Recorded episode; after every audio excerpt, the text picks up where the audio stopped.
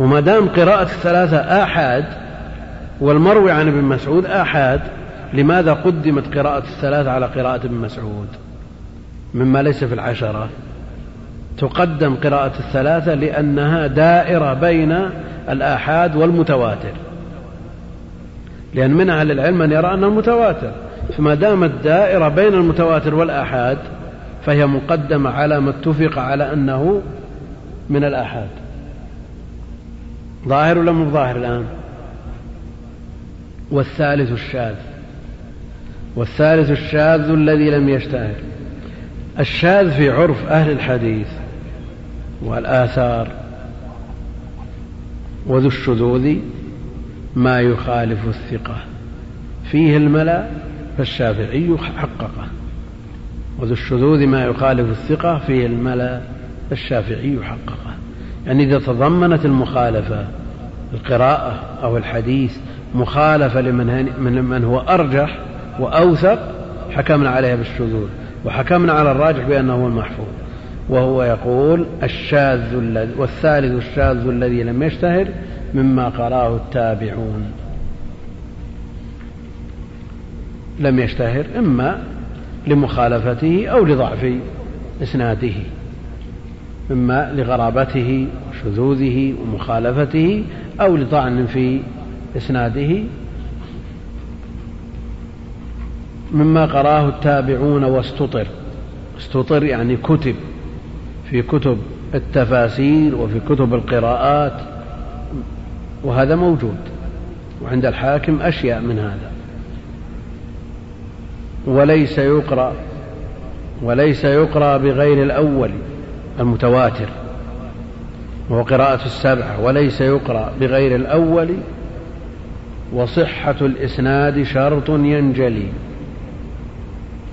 هذه الشروط التي تشترط لقبول الرواية وهي قريبة من شروط ابن الجزري وسماها أركان.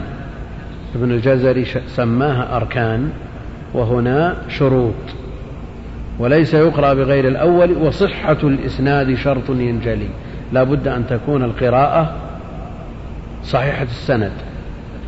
له كشهرة الرجال الرجال الضبط. ولو قلنا إنها مجرورة على تقدير حرف الجر مع أنه إذا نزع الخافض تنصب. كشهرة الرجال يعني بالضبط كاشتهار الرجال بالضبط. المقصود يقول وفاق لفظ العربي والخط. هذه الشروط الثلاث صحة الإسناد وموافقة لفظ العربية وموافقة الخط موافقة الرسم. هذه شروط لقبول القراءة. شروط لقبولها قراءة ولا قرآن؟ لأنه في القرآن اشترط أن يكون متواتر. وهنا اكتفى بصحة السند. وصحيح السند يدخل فيه الآحاد. فإن قلنا أنه يقبل على أساس أنها قرآن قلنا اختلف كلامه الثاني مع الأول. وأما ابن الجزري فهو يقبلها قرآن. فكل ما وافق وجه النحو. وكان للرسم احتمالا يجري أو يحوي يحوي نعم. وكان للرسم احتمالا يحوي وصح إسنادا. هو القرآن فهذه الثلاثة الأركان. وهي شروط وليست بأركان. شروط لقبول آه، القراءة. وحيث يختل ركن اثبتي شذوذه لو أنه في السبعة. فالشاذ هو قال الشاذ قراءة التابعي مما دون. والشاذ عند ابن الجزري ما اختل ركن من أركانه الثلاثة. ثابكم الله. النوع الرابع قراءات النبي صلى الله عليه وسلم الواردة عنه وعقد الحاكم في المستدرك بابا لها حيث قرى بملك كذا الصراط رهن ننشز كذاك لا تجزي بتاي محرز أيضا بفتح ياء أن يغلى والعين بالعين برفع الأولى. درست تستطيع من أنفسكم بفتح ف بفتح ف بفتح فمعناه من أعظمكم. أمامهم قبل ملك, قبل ملك صالحتي بعد سفينة وهذه شذتي سكرى وما هم بسكر أيضا قرات أعين لجمع تمضى. واتبعتهم بعد ذريتهم رفارفا عباقري جمعهم. نعم يقول المؤلف رحمه الله تعالى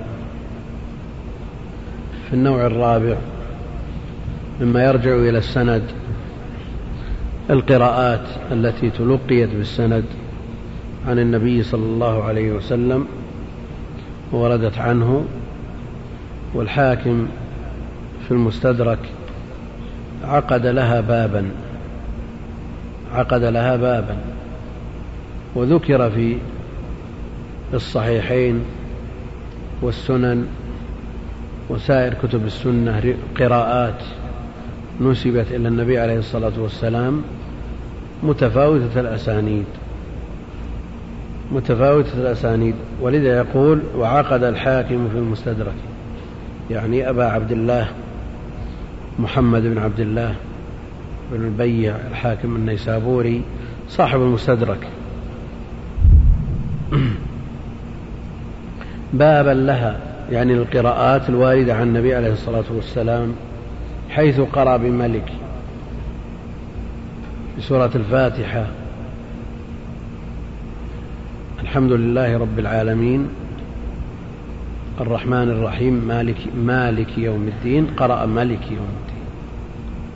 الآن ونعود إلى كيفية الأداء.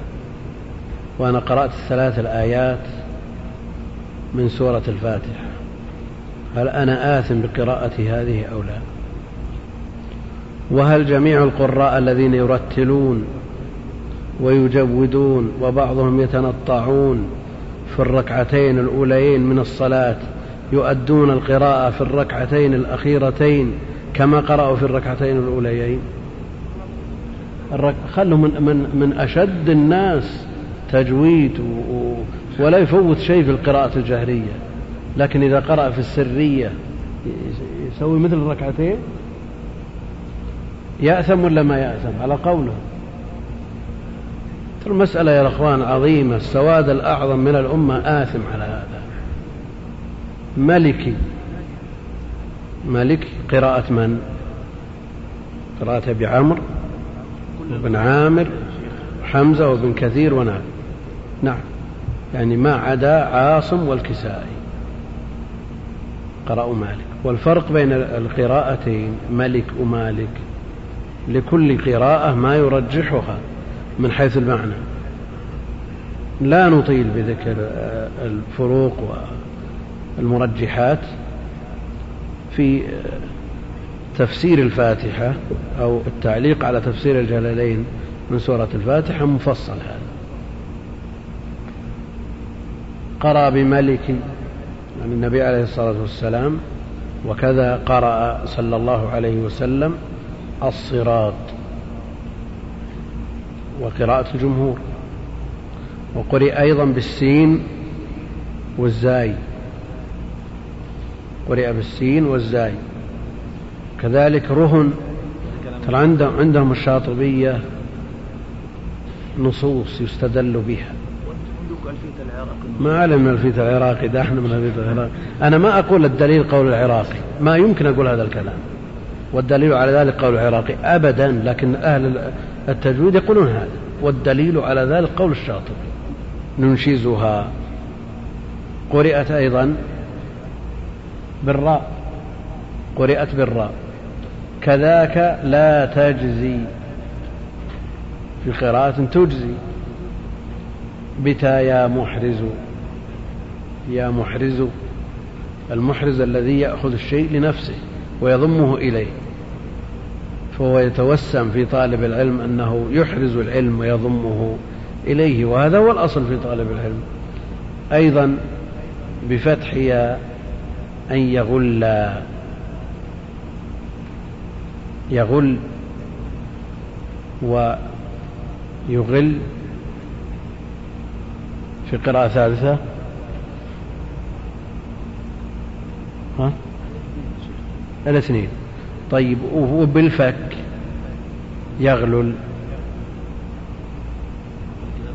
هي لكن المقصود الآية المدغمة هنا. ما هي بالآية المفكوكة؟ آه، وأن يغل والعين بالعين العين بالعين.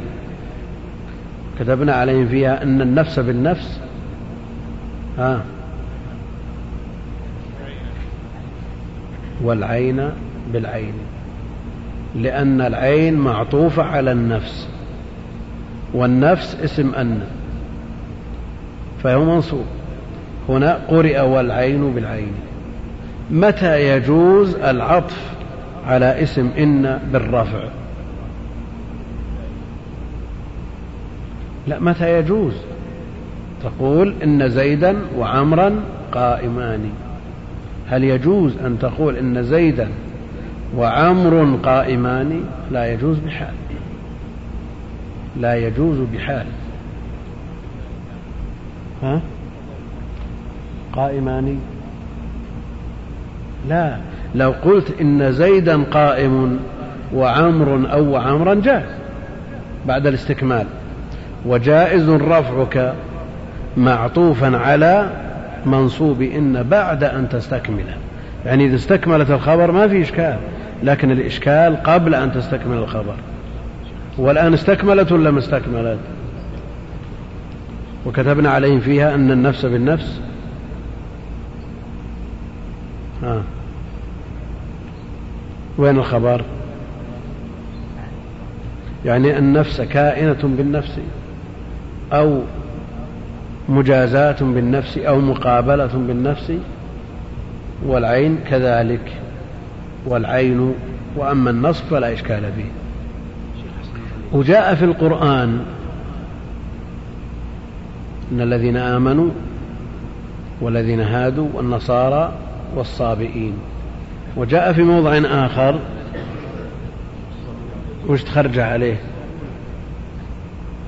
وش تخرج عليه. إيه لا بد من تقدير. لا بد من تقدير. والعين بالعين برفع الأولى. درست. درست. أيوه وش قرئت إيش؟ دارست. قرئت دارست بالألف. تستطيع. تستطيع ربك. هل تستطيع ربك؟ هل الأصل في سورة المائدة هل يستطيع ربك؟ آه، قرئت تستطيع ربك. الأصل مفاد القراءة ومعناها أنك هل تستطيع يا عيسى أن تسأل ربك؟ ينزل علينا مائدة من السماء تستطيع ربك من أنفسكم. لقد جاءكم رسول نعم من أنفسكم. هذا الأصل هذه القراءة المعروفة. جاءت وقرئت من أنفسكم بفتح فاء بفتح الفاء. معناه من أعظمكم. معناه من أعظمكم. أمامهم قبل ملك صالح. وكان أمام وكان إيش؟ في آخر الكهف. كان وراءهم. وكان وراءهم. معناها أمامهم. والوراء من الأضداد. قبل ملك ملك يأخذ أمامهم؟ يعني هل قرئ أمامهم؟ بدل وراءهم لا. لكن المراد صالحة كل سفينة صالحة. بعد سفينة وهذه شذتي لماذا حكم عليها بالشذوذ؟ نعم خالفت الرسم. خالفت الرسم. خالفت الرسم. خلف فيها شرط. نعم. وهذه آه، صالحة صالحة هي اللي الشرط سكرى كعطشا وما هم بسكرى. سكرى وما هم بسكرى أيضا. يعني في مطلع سورة الحج. ترى الناس سكارى وما هم بسكارى. قرئت سكرى وما هم بسكرى. أيضا قرات أعين لجمع تمضى أي قرأها ممن مضى من المتقدمين بالجمع قرات أعين في سورة السجدة. فلا تعلم نفس ما أخفي لهم من قرة أعين قرأ بعضهم بالجمع قرات أعين لجمع تمضى. واتبعتهم قرات بالألف. الألف يحتملها الرسم. نعم لكن التاء قرة أعين هل كتبت بالتاء المفتوحة ولا بالمربوطة؟ في الأصل. فلا تعلم نفسه بالآية. إيه، جاء, جاء بعض التاءات التي على صورة الهاء المضمومة هذه. مربوطة قرة أعين. إذا لا يحتملها الرسم. لأن لو كانت التاء هذه غير مربوطة لاحتملها الرسم لأن الألف هذه سهلة. المجلس والمجالس يحتملها الرسم عندهم. تمضى واتبعتهم بعد يعني في سورة الطور واتبعتهم بعد ذريتهم. قرأ أبو عمرو وأتبعناهم ذرياتهم. في سورة الرحمن رفارفا عباقري جمعهم. في سورة الرحمن متكئين على رفرف خضر وعبقري حسان. قرأه السبعة بالإفراد وبالجمع. رويت عن عثمان رضي الله تعالى عنه والجحدري وابن محيصن رفارف وعباقري في الجمع جمعهم. والسبعة القراء ما قد نقلوا. متواتر بغيره لا يعمل. أعني بذا في الحكم ما لم يجري مجرى التفاسير وإلا فدري يقول لا يحمل قول ابن الجزري والأخذ بالتجويد حتم لازم من لم يجود القرآن آثم على اللحن الجلي الذي يحيل المعنى. لا هم يريدون غير هذا.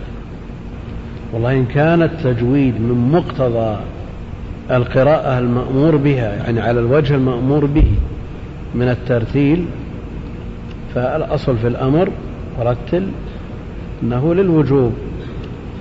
ومع ذلك جاءت القراءات على وجوه مختلفة منها الحدر وأهل العلم يجيزون الهذ أيضا وإن اختلفوا فيه لكن اقرأ وارقى ورتل كما كنت تقرأ هذا كان أو ترتيلا.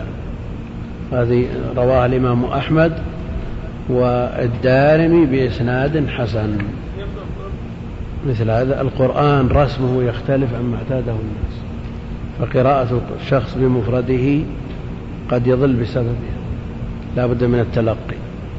الله إليكم الحمد لله رب العالمين وصلى الله وسلم على نبينا محمد وعلى آله وصحبه أجمعين. اللهم اجعلنا وشيخنا والحاضرين والمستمعين من أهل القرآن الذين هم أهل الله وخاصته. يا وهاب يا كريم يا ذا الفضل العظيم. قال الناظم النوع الخامس والسادس. الرواة والحفاظ من الصحابة والتابعين الذين اشتهروا بحفظ القرآن وإقرائه. علي عثمان أبي زيد ولابن مسعود بهذا سعد كذا أبو زيد أبو الدرداء كذا معاذ بن جبل وأخذا عنهم أبو هريرة مع ابن عباس بن سائب والمعني بذين عبد الله ثم من شهر. من تابعي فالذي, فالذي منهم ذكر يزيد أي من يزيد أيمن أبوه القعقاع والأعرج بن هرمز قد شاعوا مجاهد عطى سعيد عكرمة والأسود الحسن زر علقمة. كذا مسروق كذا عبيدة رجوع سبعة لهم لبده الحمد لله رب العالمين وصلى الله وسلم وبارك على عبده ورسوله نبينا محمد وعلى آله وصحبه أجمعين أما بعد. فيقول المؤلف رحمه الله تعالى النوع الخامس والسادس يعني من العقد الثاني الرواة والحفاظ من الصحابة والتابعين الذين اشتهروا بحفظ القرآن وإقرائه. الذين اشتهروا بحفظ القرآن وإقرائه. لم يذكر منهم أبو بكر ولا عمر. أبو بكر ولا عمر. لأن القرآن نزل وقد طعنوا في السن والحفظ كما تعلمون ولا يخفى عليكم يصعب على الكبير. عمر رضي الله تعالى عنه تعلم البقرة في ثمان سنوات أو في اثني عشرة سنة ومثله ابنه لكن تعلمها لا كما يتعلمها الناس اليوم وإلا فبالإمكان أن تتعلم البقرة في شهر على طريقة الناس اليوم يحفظ ويعرض ويكون تعلم. لكن ما المراد بتعلم؟ هل المراد به قرأ؟ هل المراد به حفظ؟ لا تعلم. أدرك علم هذه السورة. أدرك ما فيها من علم. على طريقتهم رضوان الله عليهم. قول أبو عبد الرحمن السلمي حدثنا الذين كانوا يقرؤوننا القرآن وذكر من ذكر منهم أنهم كانوا لا يتجاوزون عشر الآيات حتى يتعلموا ما فيها من العلم والعمل. إضافة إلى حفظ الحروف حفظ الحدود والحقوق. ومن عني بهذا ولم يكتف بحفظ الحروف حفظ الحروف فيه غاية الأهمية. وهو معين على فهم كل علم وتيسير كل فن. لكن هل هل القرآن أنزل لمجرد حفظه حفظ الحروف أو تلاوته؟ فضلا عن اتخاذه مصدر رزق وكسب. في المآتم والأفراح وغيرها. مجرد تلاوة القرآن تعبد بها ورتب على ذلك الأجور العظيمة. كل حرف عشر حسنات. والله يضاعف لمن يشاء. والله يضاعف لمن يشاء. فقراءة القرآن فقط. دون قدر زائد الختمة الواحدة أكثر من ثلاثة ملايين حسنة. على القول بأن الحرف حرف المبنى. وأما على القول بأن الحرف حرف المعنى فتزيد عن سبعمائة ألف حسنة. وعلى التقديرين فالأجر عظيم جدا. والله يضاعف لمن يشاء. قد يصحب هذه التلاوة من تعظيم الله وتعظيم كلامه ما يجعل الحسنة الواحدة من هذه العشرات سبعمائة ضعف. وجاء في المسند حديث ضعيف تكلم فيه أهل العلم إن الله لا يضاعف لبعض عباده إلى ألفي ألف حسنة. يعني تتصور أنها خزائن المخلوقين التي تنفد بالعطاء. إذا كان آخر من يدخل الجنة يقال له تمنى فتقصر به الأماني فيقال له هل تريد ملك أعظم ملك من ملوك الدنيا؟ فقل نعم. يفرح بهذا. هذا آخر من يدخل الجنة آخر من يخرج من النار يدخل الجنة. فيقال لك مثله لك هذا ما تمنى لك هذا وعشرة أمثاله ففضل الله عظيم ولا يحد لكن أروا الله منكم خيرا. جاء في الصحيح عن عبد الله بن عمرو قال سمعت النبي صلى الله عليه وسلم يقول خذوا القرآن من أربعة من عبد الله بن مسعود وسالم مولى أبي حذيفة ومعاذ وأبي بن كعب. وجاء أيضا عن أنس في الصحيح قال مات النبي صلى الله عليه وسلم ولم يجمع القرآن غير أربعة أبو الدرداء ومعاذ بن جبل وزيد بن ثابت وأبو زيد أحد عمومة أحد عمومة أنس بن مالك فالمعول على ما يقر في القلب ويصدقه العمل على ما وقر في القلب وصدقه العمل ليبلوكم أيكم إيش؟ أكثر عملا ولا إيش؟ أحسن. فالعبرة بالكيف لا بالكم. يقول الرواة والحفاظ من الصحابة وعدتهم أحد عشر صحابيا علي بن أبي طالب عثمان علي بن أبي طالب وعثمان. قدم علي. لماذا؟ من أجل الوزن أو لأن علي أكثر اهتمام بالقرآن من عثمان. نعم. ماذا نقول؟ هو المظلوم نعم للوزن عثمان معروف بملازمة المصحف والتلاوة. ضحوا بأشمط عنوان السجود به يقطع الليل تسبيحا وقرآنا. فعثمان هو متقدم في الفضل والرتبة وهو أيضا متقدم في هذا الباب وإن كان علي رضي الله عنه لا يجارى في مثل هذا الباب ولا يدان ويوجد مصحف يقال إنه مصحف علي بن أبي طالب وكتب علي بن أبو طالب. يعني في نهايته. كتب علي بن أبو طالب.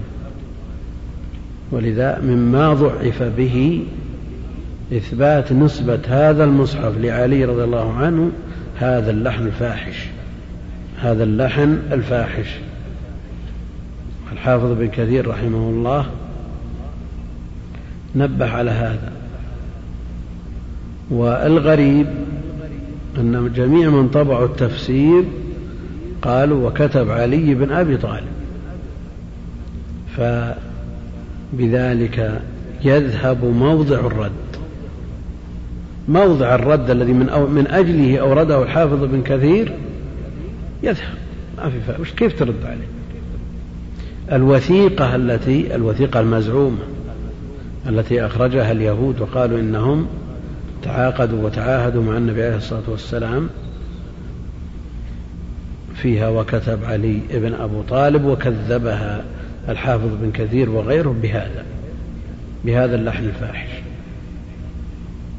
وإلا فعلي إمام في العربية حتى قيل أنه أول من وضع علم العربية. فمنزلة علي رضي الله عنه لا يشك فيها وهو من أهل الله وخاصته ومن أهل القرآن وسابقته في الإسلام معروفة وأثره في الأمة معروف. لكن عثمان مقدم عليه عند جمهور سلف هذه الأمة. علي عثمان عثمان رضي الله تعالى عنه حصل على يده هذا الخير العظيم بجمع ما تفرق من القرآن في مصحف واحد.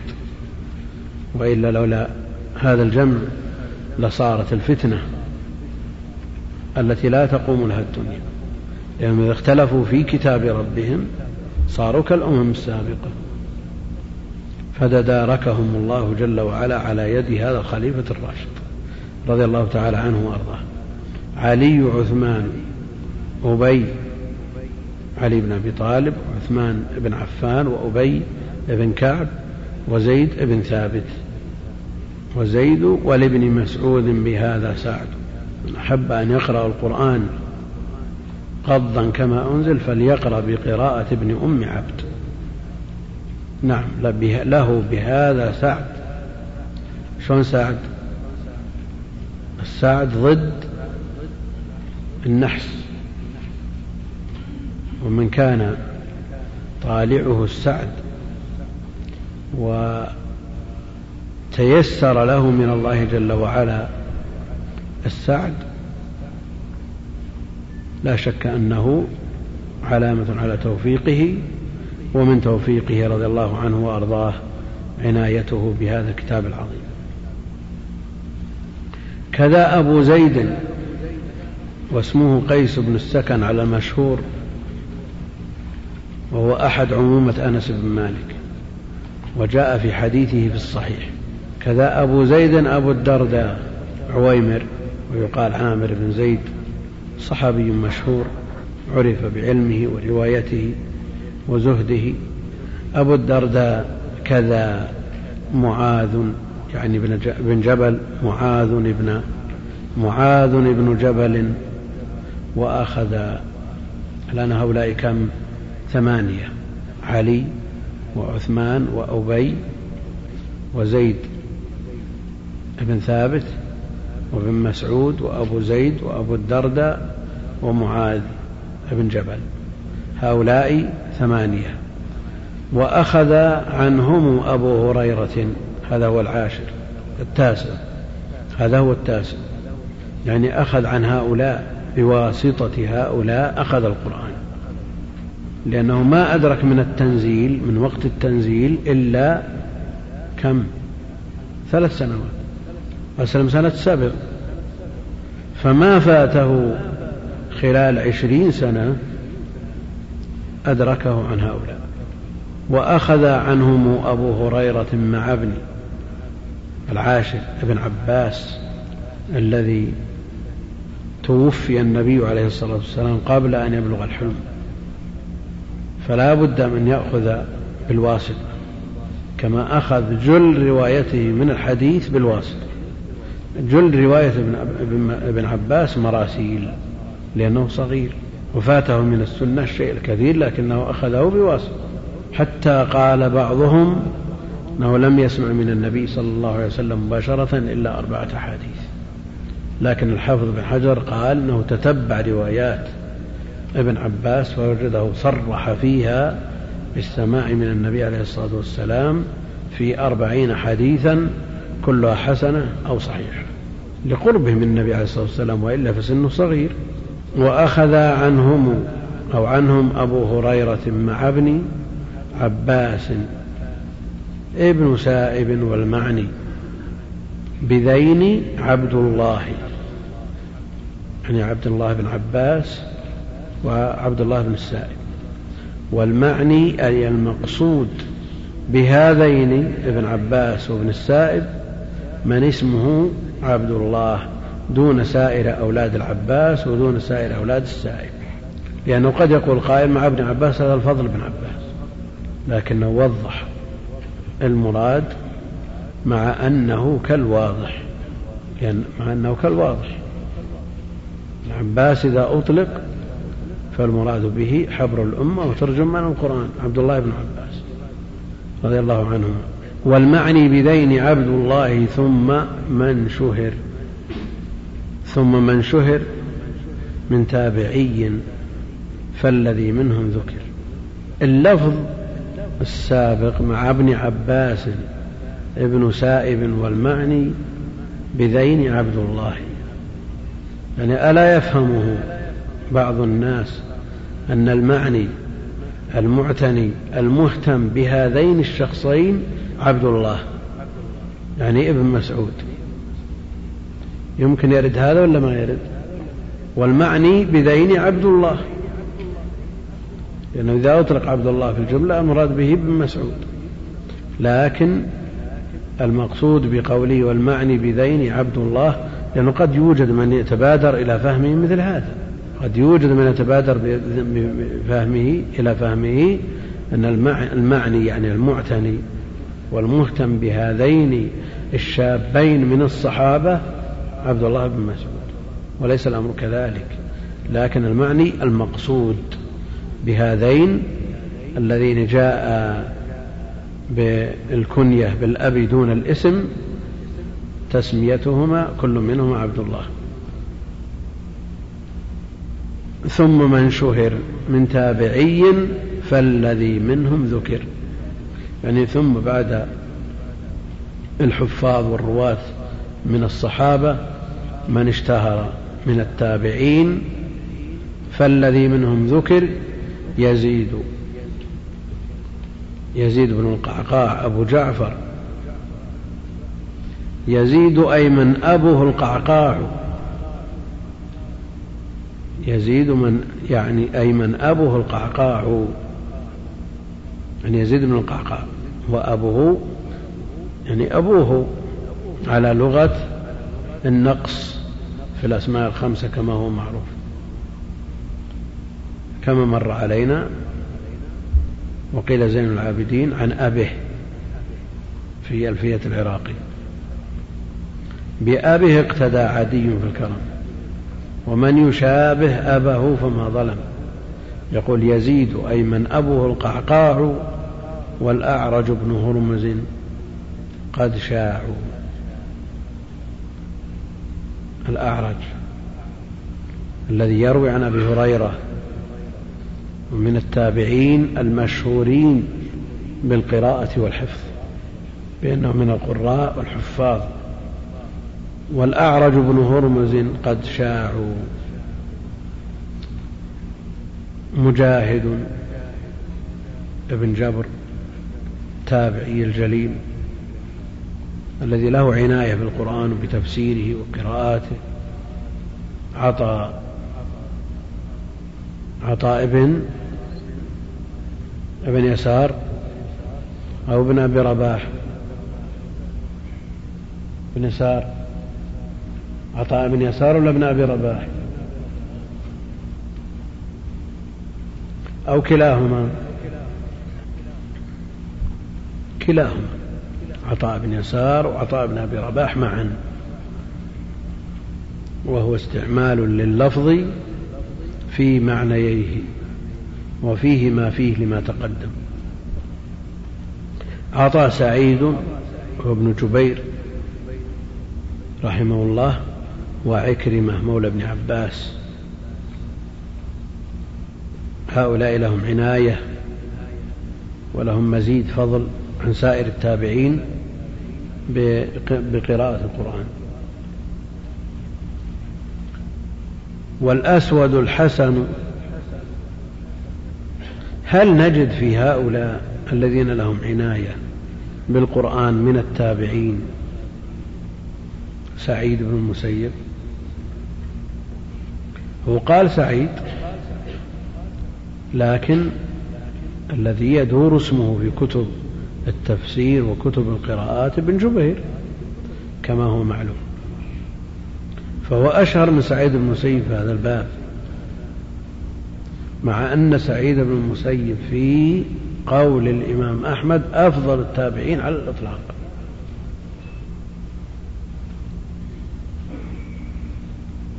والحديث الصحيح خيركم من تعلم القرآن وعلمه.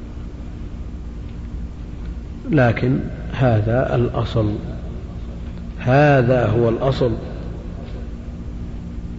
وقد يعرض للمفوق في باب ما يجعله فائقا.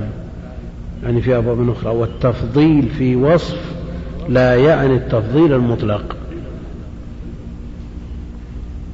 أن يكون في زيد من الناس من الموجودين الآن أو قبلهم له عناية بالقرآن. له عناية فهو من خير. بلا شك. لكن يبقى أن لو كان غيره له نفع عام في الأمة وله أثر في حفظ الدين من جهة أخرى يقوم بما لا يقوم به غيره قد يفضل عليه. فقد يعرض للمفوق ما يجعله فائقا. وكون إبراهيم عليه السلام أول من يكسى يوم القيامة ما يدل على أنه أفضل من محمد عليه الصلاة والسلام. وكون موسى في حديث أنا أول من تنشق عنه الأرض يوم القيامة فإذا قام عليه الصلاة والسلام من قبره يقول فإذا أنا بموسى آخذ بقائمة العرش. هل يعني هذا أنه أفضل من محمد؟ لا يعني هذا أنه أفضل من محمد. لأن مثل هذه قد تشكل على بعض الناس. لماذا لم يذكر أبو بكر وعمر؟ لماذا لم يذكر سعيد بن المسيب سعيد بن ابن المسيب وويس القرني وغيرهم ممن فضلوا على غيرهم من التابعين؟ السبب هو ما ذكرت. مجاهد عطى سعيد عكرمة. ولذا قد يقول قائل مثلا الآن ما يظهر في علماء العصر مثلا الذي تصدروا الناس وحملوا أعباء الأمة قد يقول قائل والله ما نشوف لهم عناية بالقرآن. لأن نشوفهم يقرون ولا يقرئون لا يتعلمون ولا يعلمون. من أين يأتيهم الفضل والرسول عليه الصلاة والسلام يقول خيركم من تعلم القرآن وعلم وهذا أشرت إليه في المقدمة. وقلت إن مع الأسف أن الكبار لا لا يتصدون لتحفيظ القرآن ولا لتعليمه ولا تفسيره إلا نادرا. يوجد ولا الحمد لله لكن ما تجد. والاتكال على طلاب العلم المتوسطين. ترك لهم هذا الشأن لأنهم عرفوا بحفظه وضبطه وإتقانه. لكن ما يكفي هذا. يعني كون الكبار يتصدون لمثل هذا لا شك أنه يولد في نفوس الناشئة تعظيم لهذا الكتاب. يعني لو بحثنا في الطبقة المتوسطة من مدرسي الجامعات هل نجد من أساتذة الجامعات من يجلس في المسجد ليقرأ الناس القرآن؟ ولو كان تخصصه بالقرآن ما نجد إلا النادر. إلا النادر ذكروا في الأحساء واحدة واثنين لكن أين البقية؟ وعهدنا الشيوخ الكبار أول ما يقرأ القرآن في حلقاتهم. يقرأ القرآن ويعلق عليه بتعليق يسير وإن كان التفسير في جانبه تقصير كبير. سعيد عكرمة مولى ابن عباس وعكرمة مخرج له في صحيح البخاري. ففي البخاري احتجاجا عكرمة مع ابن مرزوق وغير ترجم لئلا يقال مثلا كيف يذكر عكرمة هنا من أهل القرآن ومن أهل لا عناية بالقرآن وقد رمي برأي الخوارج. وأجاب عنه الحافظ الذهبي في السير وأجاب عنه ابن حجر في هدي الساري بكلام يحسن الرجوع إليه. عكرمة والأسود بن يزيد النخعي والحسن ابن أبي الحسن يسار البصري إمام من أئمة التابعين وسيد من ساداتهم. إيش معنى سيد عند أهل العلم؟ هل لأنه من الذرية الطاهرة؟ مولى لكن سيد بما سادهم بالعلم والعمل. ولذا أخذ أهل العلم من قوله عليه الصلاة والسلام اتخذ الناس رؤوسا جهالا أن السيادة لأهل العلم. السيادة لأهل العلم. والأسود الحسن زر زر بن حبيش علقمة بن قيس النخعي كذاك مسروق بن الأجدع كذا عبيدة عبيدة بن عمرو السلماني تابعي شهير رجوع سبعة أي رجوع القراء السبعة إليهم فهم مرجعهم. يعني رجوع السبعة إلى هؤلاء التابعين وهؤلاء التابعين رجوعهم إلى من ذكر من الصحابة. طيب إذا قلنا الرجوع السبعة إلى هؤلاء المذكورين من التابعين. كم عددهم؟ الصحابة أحد عشر صحابيا. والتابعين؟ يزيد والأعرج مجاهد عطاء سعيد عكرمة الأسود الحسن زر علقمة مسروق عبيدة. ثلاثة عشر. يعني هؤلاء من مشاهير القراء. وإلا فالقراء لا يحصى عددهم لا سيما من الصحابة والتابعين كلهم إلا من ندر من عاش في بادية أو شبهها له عناية بكتاب الله لأنه قد يقال مثلا إذا كان المرجع مرجع التابعين على هؤلاء الصحابة الأحد عشر ومرجع القراء إلى هؤلاء التابعين الثلاثة عشر هل يحصل بهذا تواتر؟ قد يقول قائل أنه لا يحصل به تواتر نقول لا هؤلاء المشاهير وإلا فغيرهم كثير. رجوع سبعة رجوع سبعة رجوع القراء السبعة إلى هؤلاء لا بد يعني لا بد منه. يعني إن لم يأخذوا عن هؤلاء الذين هم أشهر القراء فإلى من يرجعون؟ لا بد أن يرجعوا إلى هؤلاء. ثم بعد هذا العقد الثالث. وهو ما يرجع إلى الأداء وهو ستة أنواع. الأداء وهو ستة أنواع. يقول المؤلف رحمه الله تعالى النوع الأول والثاني الوقف والابتداء. وفيه مؤلفات وهو في غاية الأهمية. الوقف والابتداء. في غاية الأهمية فقد يتوقف عليه فهم المعنى. يتوقف عليه فهم المعنى. فقد يترك المتعلق وقد يترك الوصف المؤثر وقد يترك الشرط عند الوقف. المقصود أن معرفة الوقف والابتداء هذين النوعين اللذين ذكرهم المؤلف من أهم الأمور وفيها المؤلف المؤلفات. يعني من أجمعها هناك مؤلفات المتقدمين في الوقت الابتداء لكن من أجمعها منار الهدى.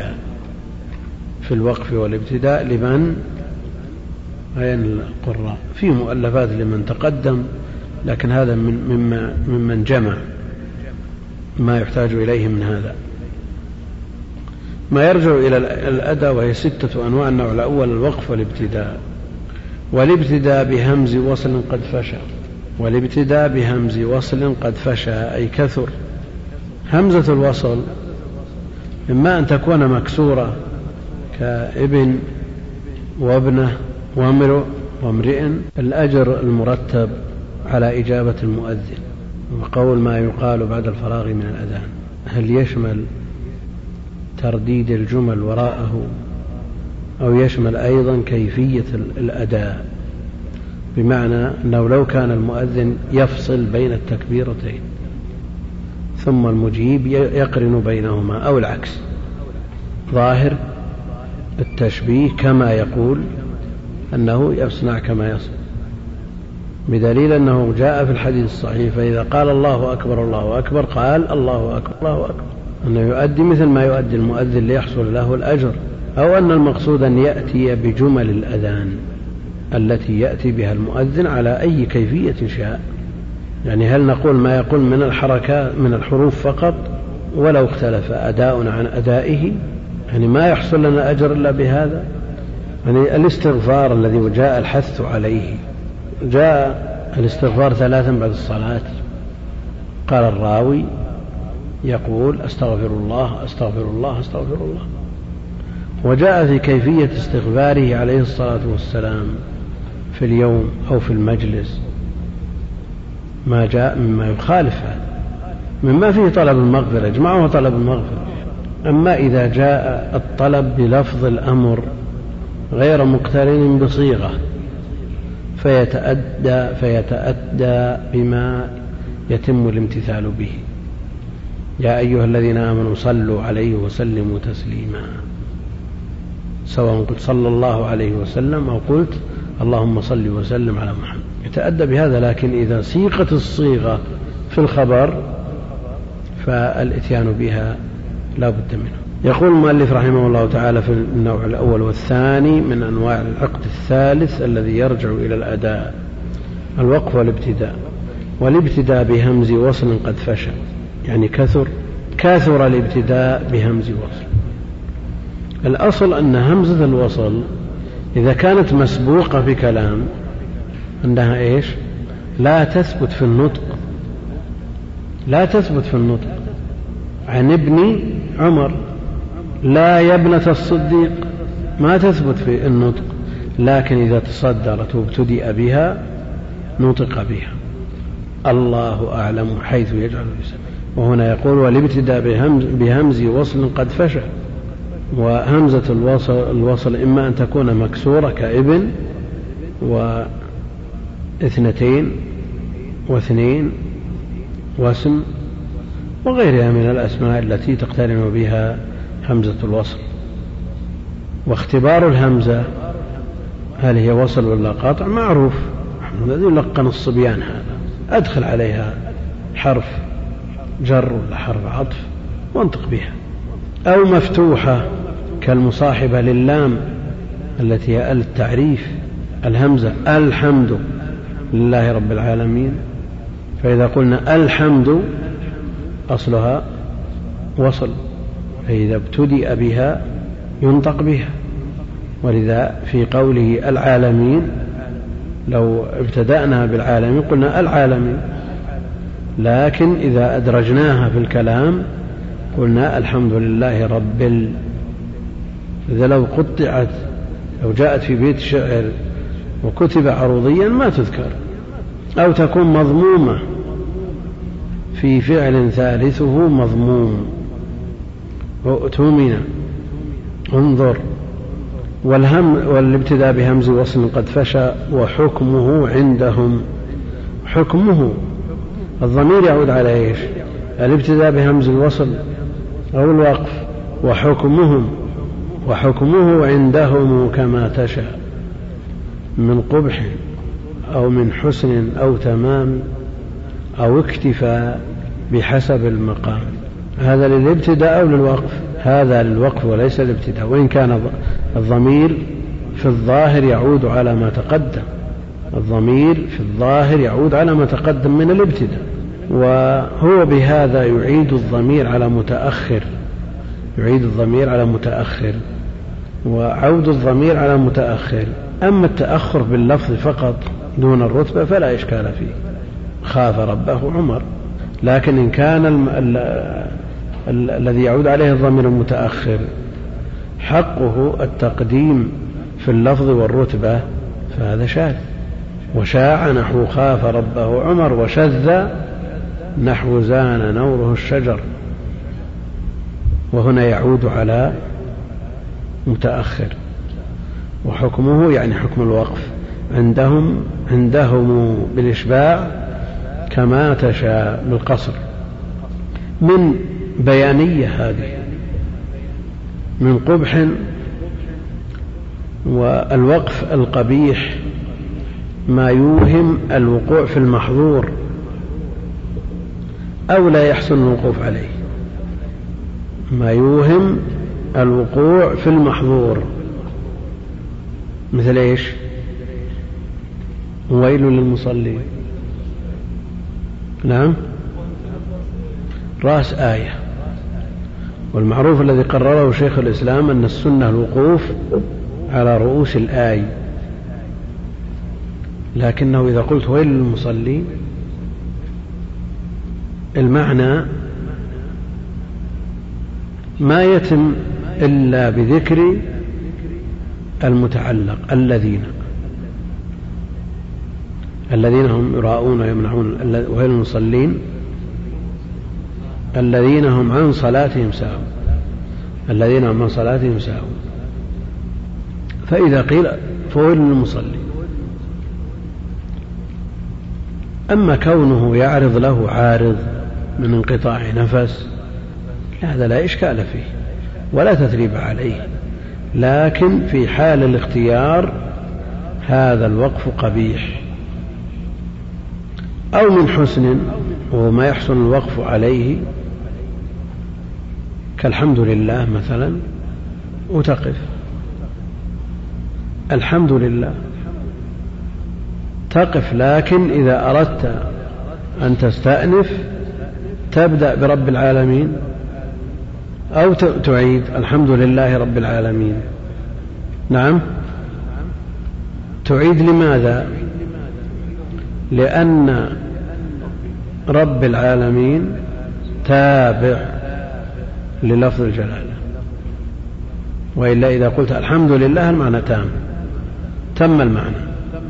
لكن باعتبار أن رب العالمين لا تعلق بلفظ الجلالة قالوا يبتدأ به من أول. لكن بعض القراء يبالغ في مثل هذه الأمور فتجده في الصلاة يقرأ الآيات مرتين. يصير قصير النفس ثم يقرأ القدر الذي يراد قراءته مرتين. يقسم ما يريد قراءة ما ما يقسم الجمل مثلا المترابطة إلى قسمين يقف في نصفها. ثم إذا أراد أن يبدأ رجع إلى الأول. ثم يأخذ مع الثاني شيء من الجملة الثانية ثم يقف. ثم إذا أراد أن يبدأ أخذ من الجملة الأولى وربط بها الثانية. هذا يحصل بالنسبة للقراء الذين لا يسعفهم النفس. من قبح أو من حسن أو تمام أو اكتفاء. عندنا الوقف القبيح والوقف الحسن وتقدم التمثيل لهما. وبقي الوقف التام والوقف الكافي. قالوا عن الوقف التام إنه هو الوقف على كلمة لم يتعلق ما بعدها بها ولا بما قبلها. لا لفظا ولا معنى. الوقف التام هو الوقف على كلمة لم يتعلق ما بعدها بها ولا بما قبلها لا لفظا ولا معنى وهذا يوجد عند آخر الآي التي لا ارتباط بعضها ببعض لبعضها ببعض وآخر القصة مثلا وآخر السورة هذا وقف تام أو تمام أو اكتفاء. الوقف الكافي هو الوقف على كلمة انقطعت عما بعدها لفظا أي إعرابا لا معنى. انقطعت عما قبلها لفظا أي إعرابا لا معنى. كالوقف على أنذرتهم أم لم تنذرهم. تقف عليها لأن من الناحية العربية انتهت. من الناحية اللفظية انتهت لا يؤمنون لها تعلق من حيث المعنى لكنها من حيث اللفظ جملة مستقلة. أو اكتفى بحسب المقام وبالسكون قف وبالسكون قف على المحركة. يعني مثل ما صنع في آخر شطر البيت. الأصل على المحركة وبالسكون قف على المحركة الوقف بالسكون. ويتعين متى؟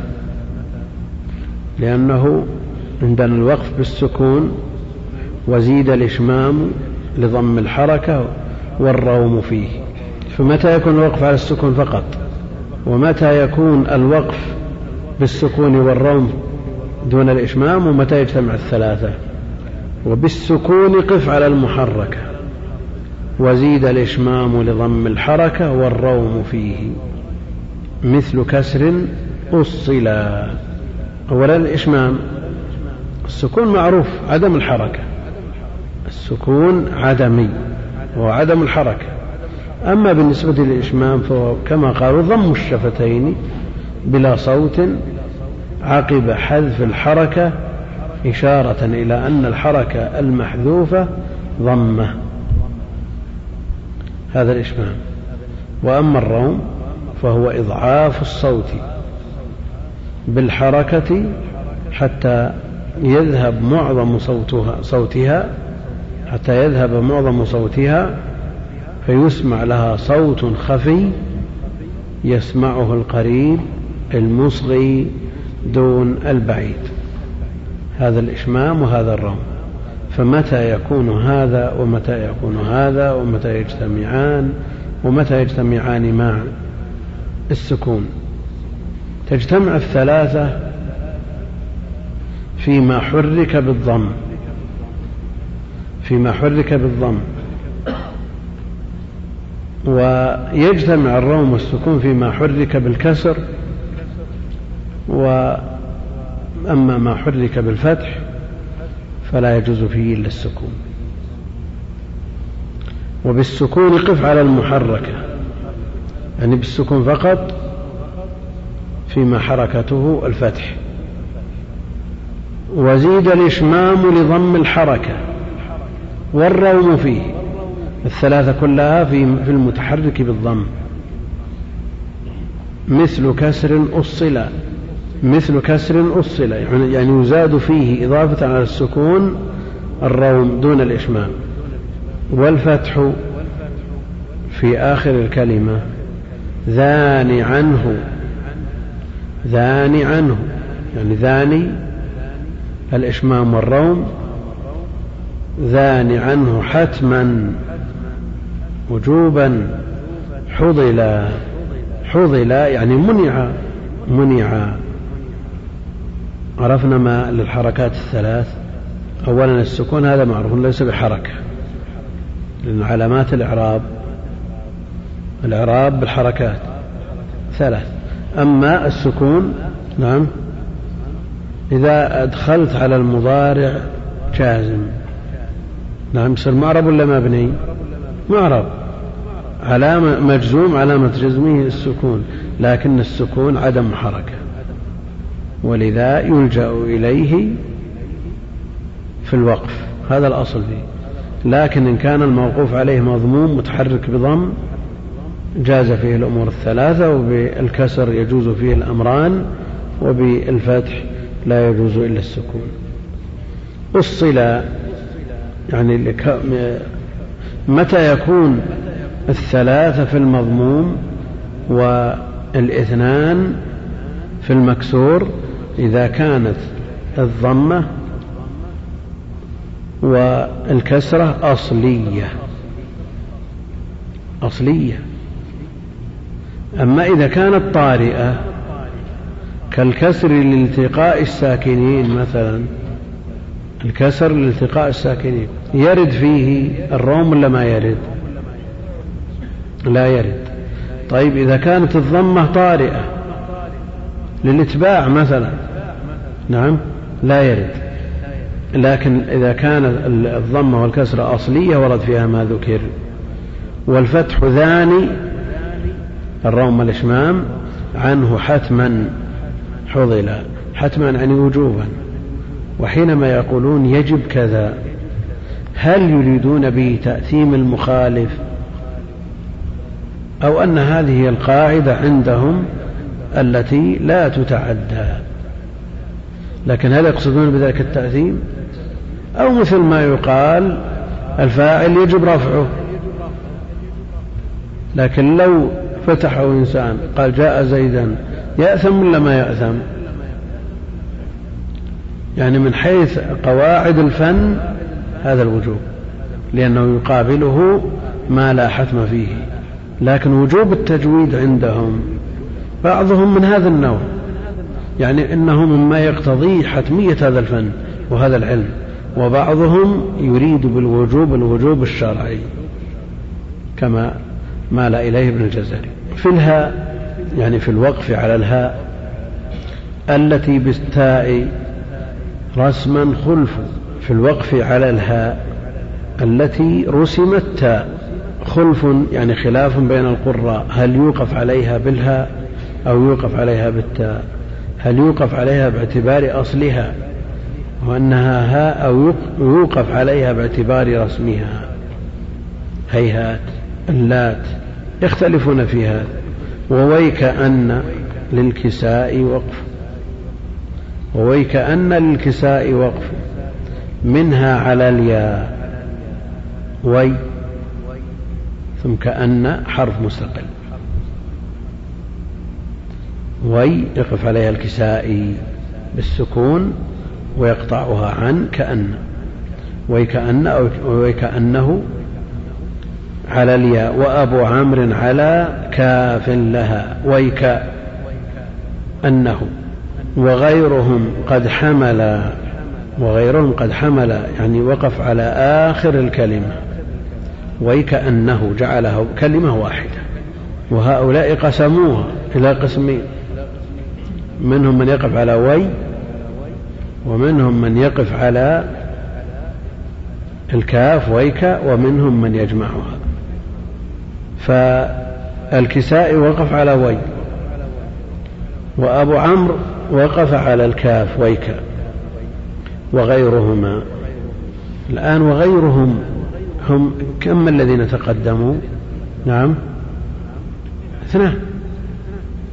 الكسائي وأبو عمرو قال وغيرهم.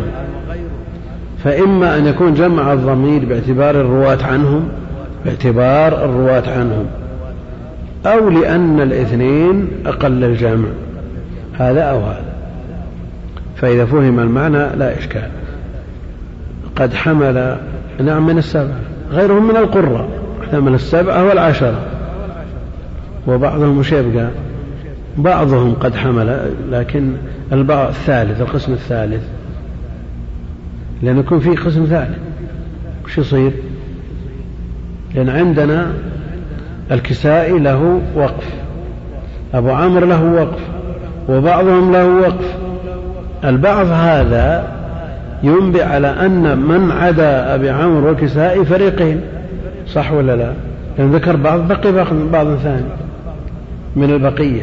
لكن غيرهم يدل على أن جميع القرى غير هذين يقولون وكأنه ووقفوا بلام نحو مالي.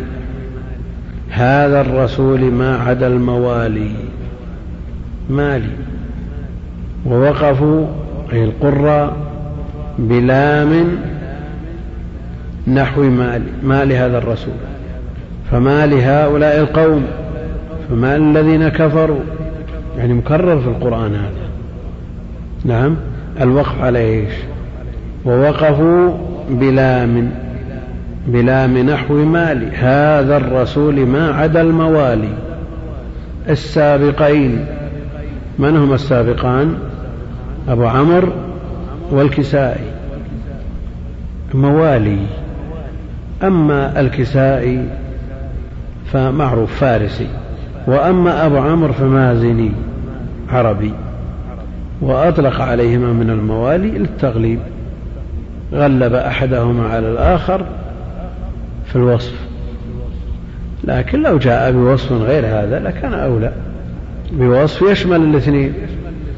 السابقين فعلى ما وقفوا فعلى ما فما فما. ومقتضى هذا على القراءة الأولى أن تكتب فمالي مستقلة وهذا الرسول مستقلة.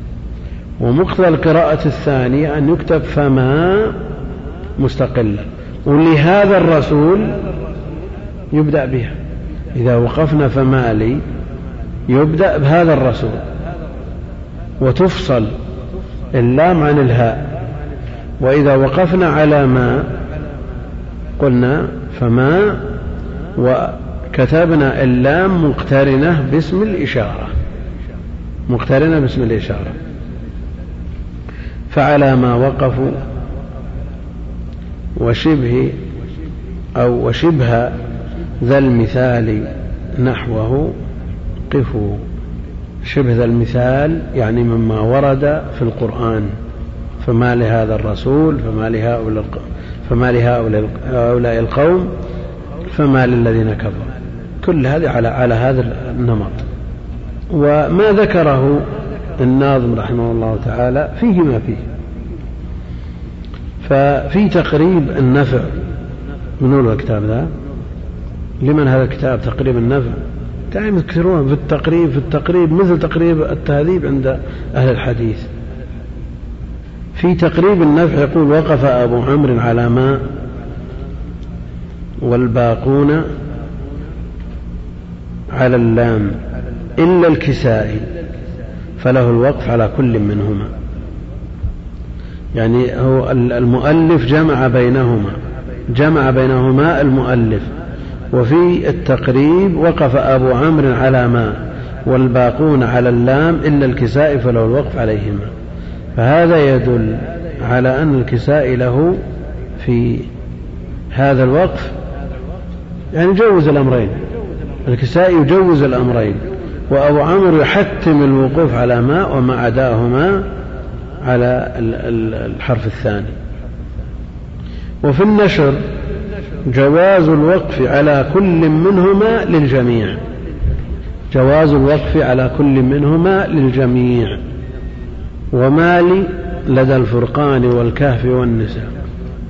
وإيش وسال التخفيف على ما حج والخلف رتلا. هذا شرح شعلة على الشاطبية. مال مبتدأ على ما متعلق بمحذوف وهو مبتدأ ثاني. مال مبتدأ مبتدأ خبره على الذي سيأتي. وما متعلق بمحذوف مبتدأ ثاني وحج خبره على ما حج خبره أي في الوقف وفي السور الأربع. على لفظ ما حج أي غلب بالحجة والجملة خبر المبتدأ الأول الخلف رتل مبتدأ وخبره. مبتدأ وخبر. والجملة خبر المبتدأ الأول الخلف رتل مبتدأ وخبر. يقول أي وقف أبو عمرو بلا خلاف والكساء بخلاف على ما من قوله تعالى ما في الفرقان ما لهذا الرسول وفي سأل سائل فما للذين كفروا لأن اللام حرف جر فلا يفرق بينهما وبين المجرور بها لهذا الرسول. والباقون على اللام اتباعا لخط المصحف لكون اللام رسمت في المواضع الأربعة منفصلة. والعلة أن أصل مالي مالي هؤلاء. حذفت الياء لكثرة مدارها في كلامهم فبقيت اللام منفصلة فكسروها لمشابهتها لام الجر وإنما قال والخلف لأن وقف الكساء جاء على ما وعلى اللام أيضا الخلف عنه يعني. الآن الذين وقفوا على ما قالوا وهو الذي يقف عليها بدون تردد عنده أبو عمرو. وحجته أن اللام حرف جر والأصل في حرف الجر أن يقترن بما دخل عليه. غيره سواء الكساء الذي أجاز الأمرين أو البقية الذين لم يجيزوا إلا الوقف على اللام قالوا هكذا رسمت في المصحف. رسمت في المصحف واتباع الرسم أولى مع أنهم خرجوا اللام أن أصلها لي بالياء باللام والياء. وهذا اسمه شرح شعلة. على الشاطبية من أسهل الشروح. آه، النوع الثالث الإمالة. السلام عليكم ورحمة الله وبركاته. بسم الله الرحمن الرحيم. الحمد لله رب العالمين وصلى الله وسلم على نبينا محمد وعلى آله وصحبه أجمعين. اللهم اغفر لشيخنا وللحاضرين والمستمعين. قال الناظم رحمه الله النوع الثالث الإمالة حمزة والكساء قد أمالا. ما الياء أصله اسما أو فعالا. أنا بمعنى كيف ما بالياء رسم حتى إلى لدى زكى التزم إخراجها سواهما لم يمل إلا ببعض إلا ببعض لمحلها اعدلي. الحمد لله رب العالمين وصلى الله وسلم وبارك على عبده ورسوله نبينا محمد وعلى آله وصحبه أجمعين. أما بعد فيقول المؤلف رحمه الله تعالى الناظم النوع الثالث. من أنواع العقد الثالث ما يرجع مما يرجع إلى الأداء بعد أن تحدث عن النوعين الأول والثاني الوقف والابتداء شرع في الكلام على النوع الثالث وهو الإمالة. وقوله ما يرجع إلى الأداء يفيدنا في معنى الأداء الذي وقع فيه الخلاف الوقف والابتداء. يعني لو وقف إنسان على غير ما قرر الوقوف عليه يأثم ولا ما يأثم؟ أو ابتدأ من موضع لم يذكر عن القراء البدء به أو أمال وعادة إمامه الذي تلقى عنه القرآن على طريقته لا يميل. قل مثل هذا في المد وتخفيف الهمز والإدغام على ما سيأتي. هذه الأنواع الستة هي موضوعات الأداء. فالنوع الثالث هو الإمالة. الإمالة وإن كانت في الأصوات معنوية إلا أن فيها شبه من الإمالة الحسية. فالمائل غير المعتدل. الأصل أن الألف إذا نطق بها على أنها ألف فهي معتدلة سواء كانت ممدودة أو مقصورة. لأن الأصل في الألف أنها ممدودة. الأصل في الألف أنها ممدودة والمقصورة ينازع فيها بعضهم يعني في رسمها. بعضهم يكتبها ممدودة بالطراد الضحى يكتبها بالألف لأن الأصل فيها أنها ممدودة. الألف في الأصل عصا. ولذلك إذا تحدثوا عن الضاء المعجمة قالوا المشالة لأن عليها شولة. تشبه العصا. فالألف الأصل فيها أنها معتدلة. كونها تكتب على صورة تشبه الياء أو على صورة الياء هذا على خلاف الأصل وهو مجرد اصطلاح. وإلا فبعضهم يطرد كتابتها بالألف لا بالياء. إذا تقررت كتابة الألف على ما يشبه العصا من الشولة هذه معتدلة. لكن إذا نطق بها نطقا بين الألف والياء صارت مائلة. فالإمالة المعنوية فيها شبه كبير من الإمالة آه، الحسية. واللفظ مطابق. حمزة والكسائي قد أمالا يعني إمالة كبرى. فالإمالة نوعان كبرى وصغرى. الكبرى تنطق الفتحة قريبة من الكسرة.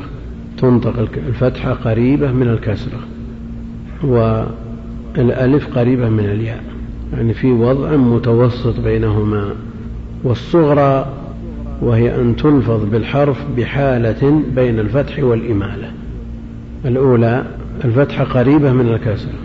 والصغرى تكون متوسطة بين الفتح والإمالة السابقة. والقراء بالنسبة للإمالة وعدمها على قسمين. منهم من أمال ومنهم من لم يمل. ابن كثير ما أمال. وانتهينا منه. من أمال منهم المقل ومنهم المكثر من الإمالة. فالمقل قالوا ابن عامر وعاصم وقالون. والمكثر حمزة والكسائي الذي صدر الكلام عنهما وإمالتهما كبرى وأبو عمرو وورش وإمالتهما صغرى يقول الناظم رحمه الله تعالى حمزة والكسائي قد أمالا إمالة كبرى. مليا أصله أو ملياء أصله. أي الحرف الذي أصله الياء ثم قلبت ألفا. اسما وافعالا. همزة أفعال همزة وصل. أفعال أصلها لكنها تسهل للنظم وإن قرئت فعالا فلا مانع. اسما كموسى وعيسى أو فعال أو أفعال مثل سعى ورمى ويخشى. هذا ما أصله الياء. أما ما أصله الواو فلا يمال. إذا كان أصله الياء يمال. أما إذا كان أصله الواو مثل إيش؟ الربا. الربا وعصى ودعا. هذه كلها لا تمال. أن أي أمال أيضا إضافة إلى ما أصله الياء من الأسماء والأفعال أن بمعنى كيف وبمعنى متى أن بمعنى كيف ما بالياء رسم. ما بالياء رسم يعني في المصحف العثماني يا أسفا. حتى إلى لدى على زكى التزم إخراجها من الذي يمال. لماذا؟ لأن الحروف لا حظ لها في الإمالة. الحروف لا حظ لها في الإمالة. التزم إخراجها سواهما أي سوى أبي آه، سوى حمزة والكسائي لم يمل إمالة كبرى إلا ببعض يعني مواضع يسيرة. إلا ببعض لمحلها اعدلي أي الإمالة المناسبة لمحله أي ذلك البعض. اعدلي يعني لا تمل ولا تجر عن الطريق فتأتي بالإمالة في غير محلها. وذلكم لأن أبا عمرو وورشا وأبا بكر وحفصا وهشاما أمالوا في مواضع معدودة. يعني يسيرة لا تتعدى هذه المواضع. يعني ليس آه، ليست إمالتهم قاعدة مضطردة إنما أمال بعض الكلمات بخلاف حمزة والكسائي القاعدة أن ما أصله الياء من الأفعال والأسماء يمال عندهم. يوجد الآن من من من العرب من عندهم نوع إمالة من عندهم نوع إمالة حتى في كلامهم العادي. هم يجمعهم بلد ما يلزم ما يجمع يعني ما يلزم أن يجمعهم قبيلة. لا إمالة ليست على قاعدة لكنها صارت لهجة عندهم. هذا مثل الطفل الذي رفض أن يقرأ فأما ما ثقلت موازينه قال لا موازينه لأنه يظن موازينه لهجة القصيمة هذه وهو ما يبي لهجة القصيمة مثلها فيها أمثلة في لغة شواهد عربية كثيرة. نعم اقرأ المد. أحسن الله إليكم. النوع الرابع المد. نوعان ما يوصل أو ما يفصل وفيهما حمزة ورش أطول. فعاصم فبعده ابن عامر مع الكساء فأبو عمرو حري. وحرف مد مكنوا في المتصل ضرا ولكن خلفهم في المنفصل. يقول الناظم رحمه الله تعالى في النوع الرابع من الأنواع المتعلقة بالأداء. من أنواع العقد الثالث المد والمد والمط بمعنى واحد. فإذا قيل لك ما المد تعرف باللفظ الآخر وإذا قيل لك ما المط تقول هو المد والمراد بالمد الزيادة فيه الزيادة فيه. الأصل أن المد المد العادي الطبيعي كم حركة؟ حركتين. ولذلك يقولون في المد الطبيعي أنه ألف واحدة. ألف واحدة. وفيه ألفين وألف ونصف وثلاث ألفات. إيش معنى هذا الكلام؟ حركتين وثلاث نعم وست حركات. يعني ثلاث ألفات. هذا أعلى المد. فالمراد بالمد هنا الزيادة على القدر الطبيعي من المد الذي هو ألف واحدة عندهم. لكن في النظم وله ظروفه نتكلم بالكلام العادي. النظم وله ظروف المد الطبيعي موجود في كلام العرب العادي. لكن قد يحتاج في المد إذا كان في النظم أن يقصر. يقصر عن الألف الواحدة وقد يطوى حرف المد للحاجة إلى وزن البيت. وضد المد المد أولا لا يكون إلا في الحروف الثلاثة حروف العلة الألف والواو والياء. وضده القصر وهو ترك تلك الزيادة. يقول الناظم رحمه الله تعالى نوعان ما يوصل أو ما يفصل. ما يوصل يعني المتصل. وما يفصل يعني المنفصل. والمراد بالمتصل ما يكون فيه حرف المد والهمزة في كلمة واحدة. نحو شاء وسوء في كلمة واحدة. نعم. شاء سوء وأما المنفصل المنفصل هو ما يكون فيه المد والهمزة في كلمتين بما أنزل الله. بالنسبة للحكم المتصل حكمه الوجوب والمنفصل جائز. هذا واجب وهذا جائز. يعني هل يجب على الإنسان أن يمد سوء ست حركات؟ كم؟ أصل أصل الأصل أصل المد. أربعة لو لو مدها ثلاث. لا لا أصل واجب هذا مد واجب. يعني أنا أريد من تقرير الوجوب. هل هو الوجوب المعروف عند الفقهاء؟ هل الوجوب المعروف عند الفقهاء بمعنى أنه يأثم تاركه؟ أو الوجوب المعروف عند النحاة؟ الفاعل يجب رفعه. يعني هل وجود وجوب اصطلاحي؟ يعني ما يأثم لأن هذا نوع من أنواع الأداء. ثم نرجع إلى مسألة. ها؟ لا لا من لم يجود القرآن آثم هذا كلام؟ نص نعم. هذا اللي هو الأداء. اللي هو الأداء اللي, اللي طلنا الكلام فيه. ولا نعيده إن شاء الله تعالى. لكن أنا أريد قالوا المتصل واجب والمنفصل جائز. مقابل الواجب بالجائز. هل معنى الوجوب؟ هذا وجوب شرعي؟ حكمي فقهي كثير من من من القراء ومن يبحثون في هذه العلوم يقول وأما حكمه الفقهي فينظر فيه عند الفقهاء. ما يقول مثل هذا؟ يقولون. إيه. إيش معنى هل معنى هذا أنهم يجزمون بتأثيم من لم يجود؟ لا يجزمون. اي لكن السماء وقال حرام عليك. قال حرام عليك أن تفعل. لو لو لو تمسكوا بقول الله جل وعلا ورتل القرآن أمر بالترتيل ولا لا يتمكن الإنسان من الترتيل إلا على هذه الكيفية. هذه اللي يمكن يستمسك بها. أما مسألة أداء هذا ما أعرف أقوى من هذا الدليل إطلاقا. أما مسألة أداء وكيفيات هذه تحتاج إلى مسجلات يا أخوان.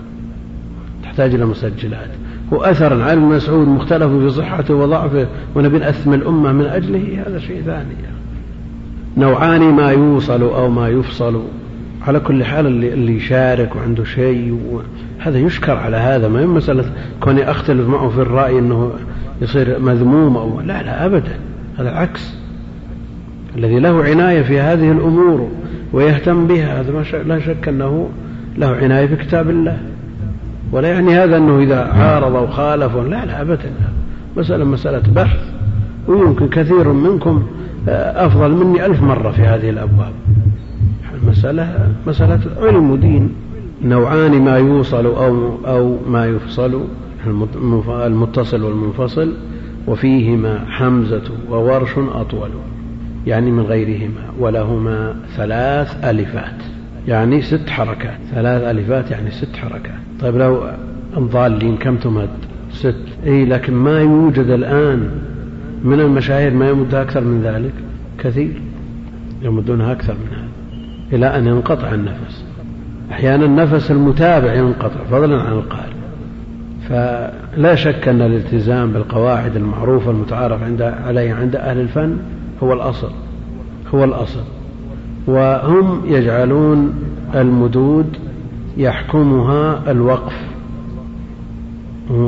قلت بالأمس أن أكثر القراء الذين نسمعهم لا سيما إذا كانوا في الصلاة أو يبينهون القراءة على أي حال فقراءتهم للكلمة في درج الكلام وهو بيقرأ بعدها أقصر من قراءته إذا أراد أن يقف.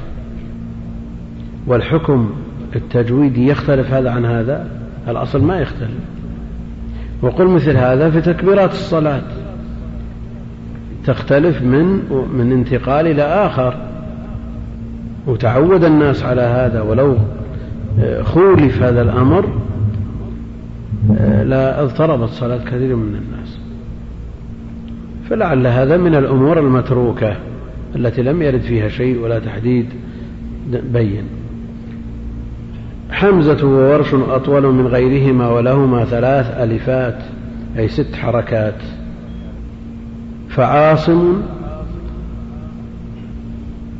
يليه في الطول يليهما في الطول فعاصم بعده. فبعده ابن عامر مع الكسائي. فعاصم فبعده ابن عامر مع الكسائي. ولهما ألفان. قدر أربع حركات. الحركات يضبطونها بأي شيء؟ العد. نعم. وهذا مأثور ومتواتر لما هم مأثور؟ لا العد والانقباض والانبساط. إيه لأننا نريد أن نرجع كيفية نختلف فيها ونعيدها إلى شيء لا لا نعرفه وكلها في إطار الجائز. ها؟ الذي يترتب عليه الأجر العشر حسنات. يعني الترتيل والحذر كله يضمن عشر حسنات. نعم؟ يبقى أن الترتيل قدر زائد التدبر قدر أكبر العمل والاستنباط أكبر أيضا. فكل شيء له أجره. فأبو عامر وله ألف ونصف يعني ثلاث حركات. حري أي حقيق وجدير وحرف مد حرف مفعول مقدم مكنوا حرف مد مكنوا في المتصل يعني في المد المتصل أي جعلوا له مكانة طرا أي جميعا من غير استثناء وإنما الخلاف في القدر. ولكن خلفهم في المنفصل. خلفهم في المنفصل. يعني إذا جاء المد في كلمة والهمس في كلمة أخرى. في المنفصل فمنهم من لم يمد ولا يزيد على المد الطبيعي كقالون والسوسي. لو ذهبنا نفصل وننقل كل ما قيل مع أنه منتهي النبذ. وابن كثير أيضا ومنهم من مد وهم الباقون. نعم اقرأ. النوع الخامس تخفيف الهمزة. نقل فإسقاط وإبدال بمد. من جنس ما تلته كيفما ورد. نحو أئن فيه تسهيل فقط. ورب همز في مواضع سقط. وكل ذا بالرمز والإيماء. إذ بسطها في كتب القراء.